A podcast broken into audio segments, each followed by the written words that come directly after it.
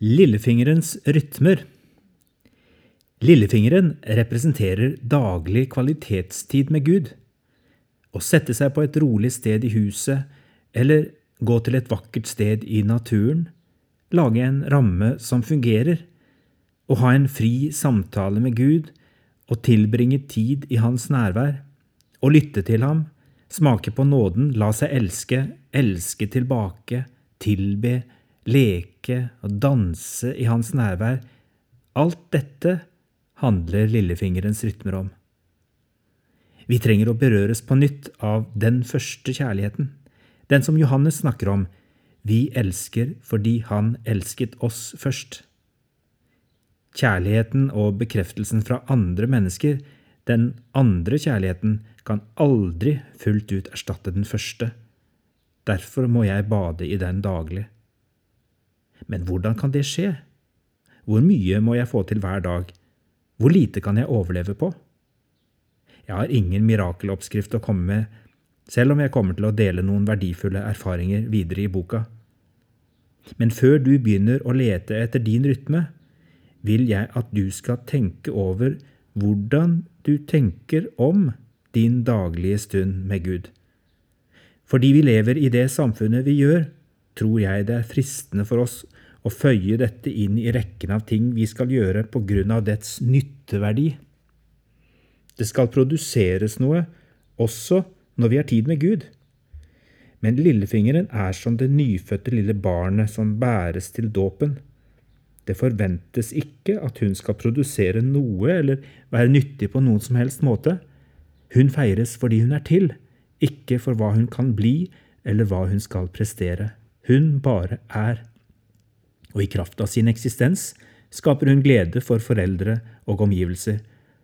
Ok, litt strevsomme kan barna også være til tider, men når de plutselig vokser opp og ikke er så mye rundt oss lenger, da kjennes savnet. Jeg tror Guds farshjerte kjenner på det samme. Vi kan tenke at lillefingeren på hånda ikke har noen spesielt viktig funksjon, men du ville merke det hvis den ikke var der. Jeg tror det var dette Jesus ønsket å si til Martha da han irettesatte henne i fortellingen fra Lukas 10. Hun sa, Herre, bryr du deg ikke om at min søster lar meg gjøre alt arbeidet alene? Si til henne at hun skal hjelpe meg. Men Herren svarte henne, Martha, Martha, du gjør deg strev og uro med mange ting, men ett er nødvendig. Maria har valgt den gode del, og den skal ikke tas fra henne. Maria hadde valgt å sette seg ned og bare være sammen med Jesus uten å gjøre noe. Ett er nødvendig.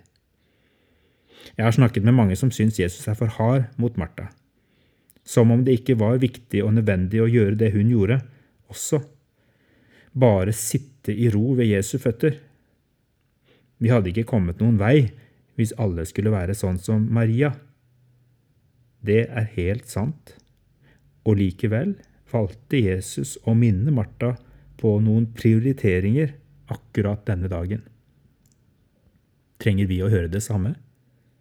Trenger vi å lære oss forskjellen mellom det som er nyttig, og det som til enhver tid er nødvendig?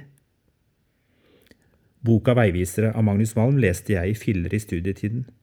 Den er blitt en moderne klassiker og har betydd mye for mange trosaktivister som ligner på Martha. Her er for meg et sentralt sitat fra boka hans.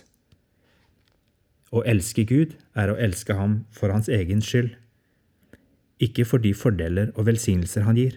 Så fort vi blander resultatorientering inn i vårt forhold til Gud, bedrøver vi hans hjerte og kommer farlig nær avgudsdyrkelsen, og følgende lar sjelden vente på seg. Tretthet, rastløshet, motløshet, manglende konsentrasjon, likegyldighet osv.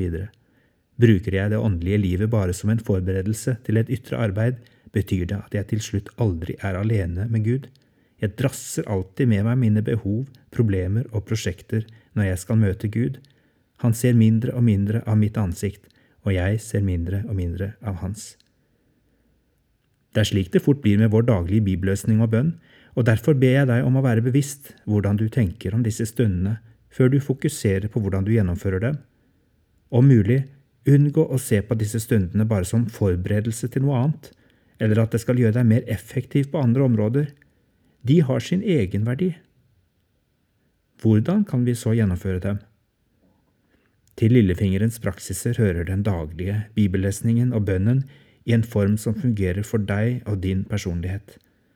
Her finnes nok av gode støtteverktøy når du først har fått ryddet et stille rom i hverdagen, kanskje med litt mindre lyd og ytre avbrytelser enn de andre rommene i livet ditt. Du kan for eksempel benytte en bibelleseplan. Du kan bruke meditasjon med ordets skole, Jesusbønnen, lesemetoden, logg og tilbakeblikk på dagen. Dette er verktøy som jeg presenterer i denne boka. Langsom lesning fra en oppbyggelsesbok, eller kanskje perlene i Kristuskransen? Essensen handler om å vende sin aktive oppmerksomhet mot Gud hver dag. Alt har sin tid. Av og til har det slettes ikke vært slike fromme øvelser jeg har trengt å praktisere. Noen dager var den slags aktiviteter for meg bare forbundet med krav og prestasjon. Da var det kanskje bare tid for å hvile på sofaen. Neste dag kunne tiden være inne for å leke, spille, se en film eller gjøre noe annet tilsynelatende unyttig. Lek er en livskunst en del av oss voksne har lett for å glemme. Når Jesus oppfordrer sine disipler til å bli som barn for å komme i berøring med Guds rike, tror jeg blant annet det er den nyskapende leken han viser til. Selv ble jeg bråvoksen og ansvarlig allerede tidlig i tenårene. Det skyldtes nok delvis at jeg var den yngste av seks søsken. Jeg var så utålmodig etter å bli som de andre. På den måten kom jeg ut av rytme. Livet skal ikke være gravalvorlig hele tiden. Først mange år senere gjenoppdaget jeg verdien av å leke, ligge på gulvet sammen med små barn, tøyse, spille rollespill. For meg ble dette en åndelig øvelse. Lek og tøys ble til viktige berøringspunkter mellom himmel og jord. Jeg deler erfaringer fra min reise, Husk at fordi dette handler om å finne sin egen rytme, kan din reise se annerledes ut enn min. Oppleves Gud mer som arbeidsgiver enn som far og venn? Da er det på tide å la ham få lillefingeren først. Så kan han ta hele hånda. Du er mitt barn, den elskede. I deg har jeg min glede. Far, gjør meg så trygg i din kjærlighet at jeg ikke er opptatt av å bli sett. De neste avsnittene i denne serien er frittstående betraktninger knyttet til lillefingeren i disippelrytmer. Ta med deg lillefingerens bønn til slutt, og la gjerne tommelen berøre lillefingeren. Far, her er jeg nå, ditt elskede barn. Berør meg. Gjør meg helt trygg i din kjærlighet uten frykt i din omsorg. For mine tider er i din hånd.